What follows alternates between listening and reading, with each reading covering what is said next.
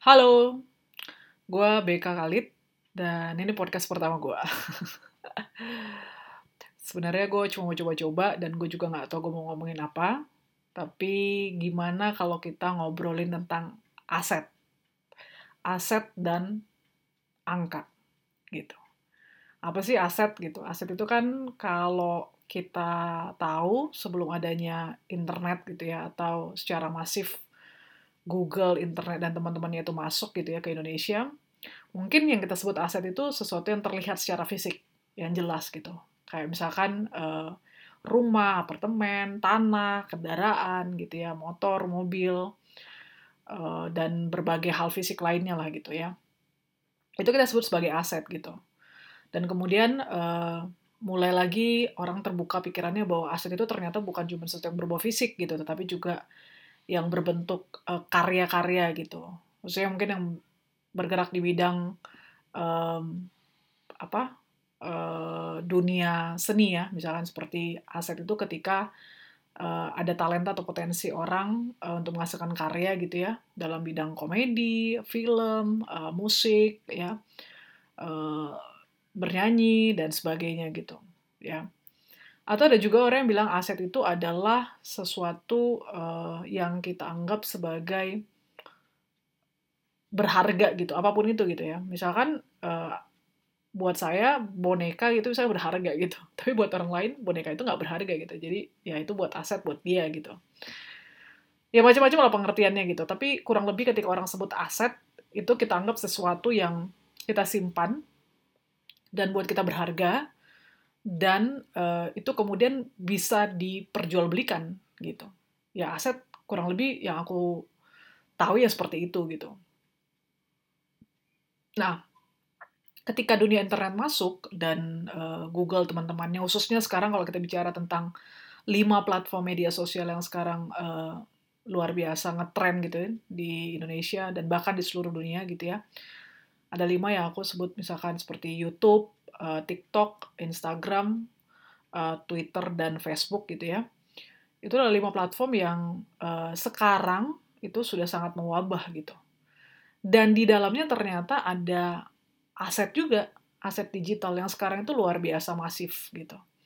Nah, aset digital itu berupa apa? gitu ya kita mungkin udah pernah dengar lah gitu aset digital sekarang itu uh, adalah berapa jumlah followers, berapa angka yang terpampang sudah subscribe YouTube channel kita, berapa jumlah likes, comments, engagement gitu ya.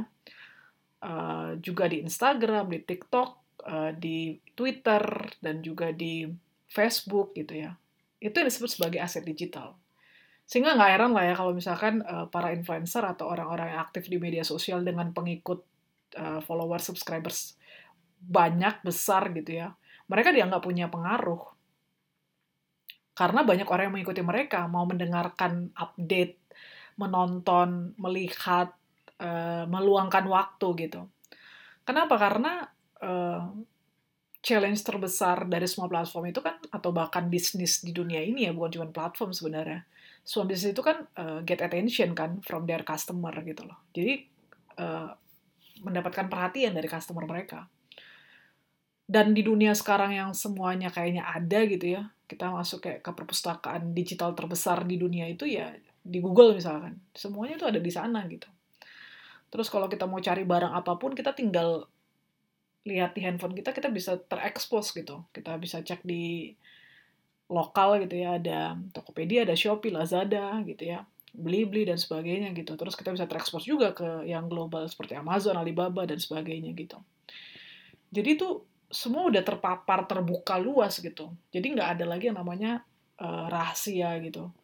Sesuatu yang bisa disembunyikan gitu. Customer itu bisa lebih pinter daripada salesperson atau uh, sales consultant gitu dari sebuah produk gitu. Karena dia bisa cari sendiri dulu kan di perpustakaan terbesar eh perpustakaan digital terbesar di dunia tadi yaitu Google.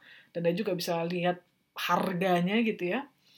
Uh, perang harganya itu di e-commerce gitu dan itu mereka semua mencari attention gitu loh. Bayangin kalau kamu dihadapkan di depan mata kita gitu ya, ada eh, 200 ribu buku misalkan.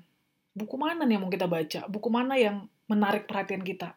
Ya, makanya ya muncullah kemudian uh, para guru-guru marketing gitu ya.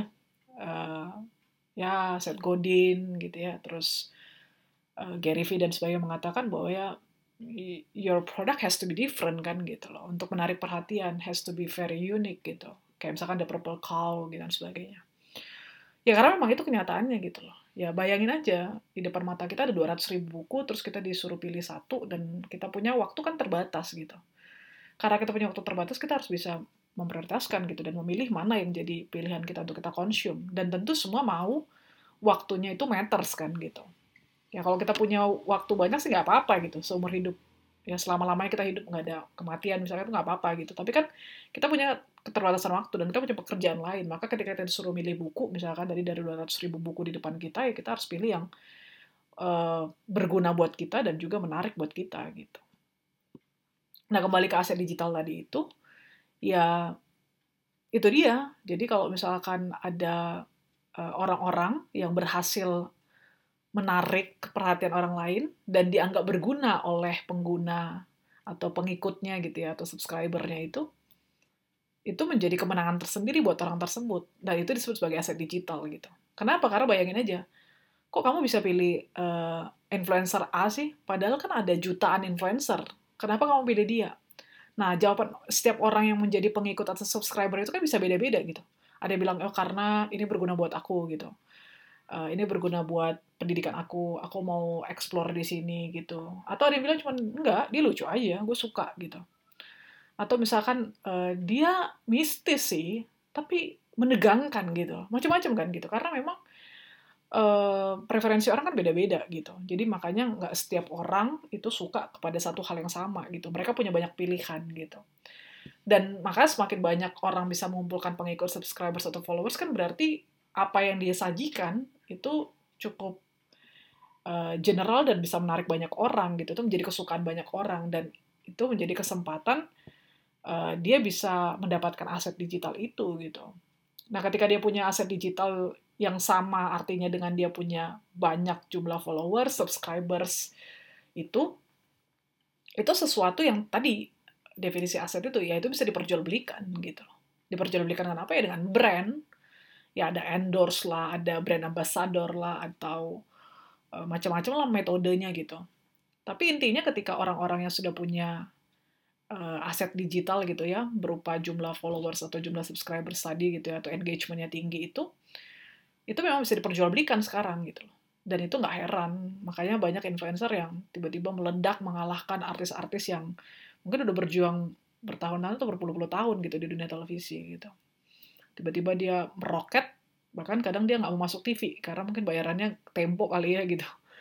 Nggak tahu juga. Um, tapi ya di influencer di Instagram endorse gitu ya dapatnya cepet gitu. Masukin post video di itu kemudian di di apa namanya? Di story gitu ya itu nggak bisa dipungkiri sih bahwa zamannya sekarang sudah ada di situ gitu ya. Jadi aset yang kita kenal dulu lebih ke berbentuk fisik gitu ya atau sesuatu yang berbau karya gitu ya. Yang memang jelas gitu ya uh, bentuknya gitu ya. Kalau misalnya film ya kita bisa nonton gitu di bioskop. Mereka itu uh, apa ya buat film itu kan bukan sesuatu yang mudah gitu. Tapi sekarang kalau kita bisa lihat ada influencer yang viral gitu ya, yang viral itu kadang-kadang yang dia nggak melakukan apa-apa dia cuma ngomong depan kamera lucu atau apa ya viral ya uh, engagementnya meningkat followersnya subscribersnya meningkat dia kemudian dapat tawaran tuh endorse dari brand-brand. Uh, dapat dari adsense juga gitu. Dan akhirnya dia buka bisnis dan dia jadi mulai kaya dan sebagainya gitu. Jadi ya mungkin journey sekarang udah mulai kebaca ya patternnya gitu. Tapi yang perlu kita ingat memang bahwa satu platform itu kan bukan milik influencer itu gitu. Platform itu kan satu tools yang bisa digunakan oleh influencer, tapi itu bukan milik mereka gitu Jadi semua kebijakan, semua otoritas itu ada di platform tersebut. Ya, dan jangan lupa platform is just a business gitu loh. At the end kita nggak tahu ujungnya seperti apa dan kita bisa lihat contoh-contoh platform yang kemudian akhirnya say goodbye kan ya, misalkan kayak Friendster ya, terus Pet, um, apalagi ya, ada beberapa kayaknya ya, gitu. Sesuatu yang kita nggak sangka dia akan say goodbye kan gitu, dan akan berganti, akan evolve terus gitu. Jadi jangan lupa, kalau misalkan kita sekarang sedang high banget gitu ya, maksudnya mendapatkan followers dan subscribers yang tinggi gitu di platform-platform yang minimal di lima platform tadi, di salah satu atau di semuanya bahkan gitu ya. Jangan terlalu euforia dulu gitu ya, uh, be careful gitu. Uh, ingat bahwa platform ini bukan milik kita gitu ya, uh, termasuk Spotify dan sebagainya itu bukan milik kita gitu, sehingga kita harus selalu berpikir uh, the worst case-nya, kalau platform ini nggak ada itu kayak gimana gitu ya. Kan bayangin kalau misalkan di Instagram followers kita itu ada 5 juta misalkan. Tiba-tiba Instagramnya hilang atau say goodbye lah gitu. Ya terus kita nggak ada media lagi kan gitu misalkan. Ya makanya mulai pikir gitu ya media apa yang kita bisa pakai gitu atau karya yang kita deliver itu dalam bentuk apa gitu.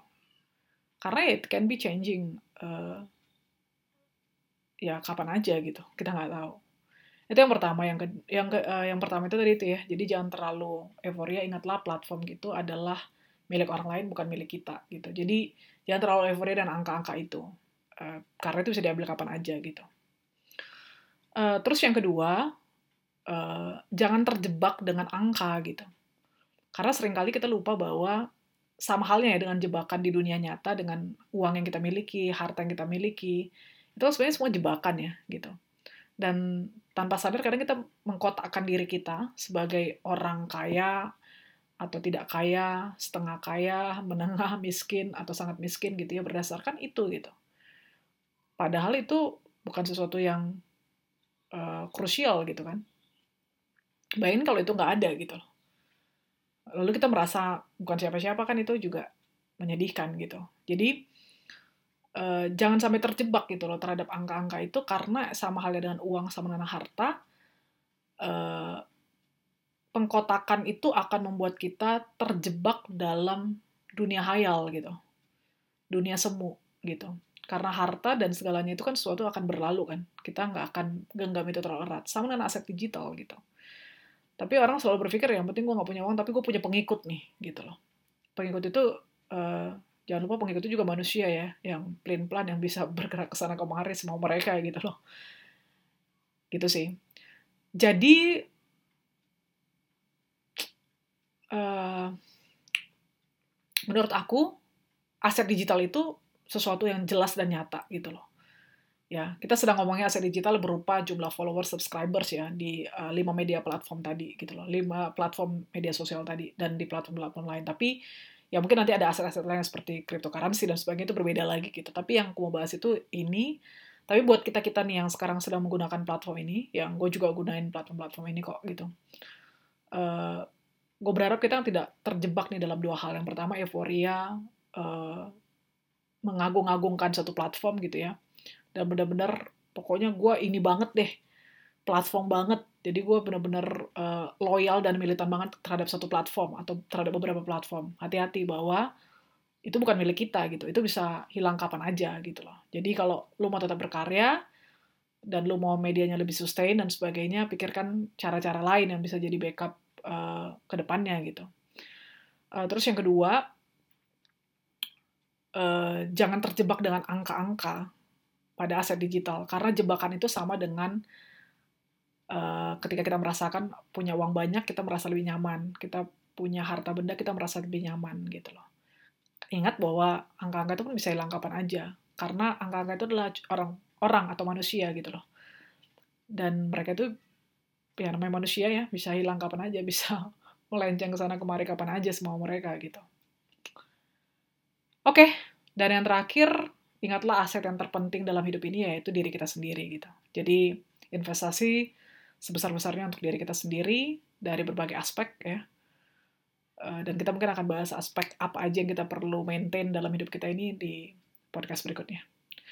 Gue nggak tahu ini bermanfaat atau enggak, tapi ini gue cuman ngobrol-ngobrol aja ya. Ini dari pikiran mini gue. Oke, okay? thank you for listening.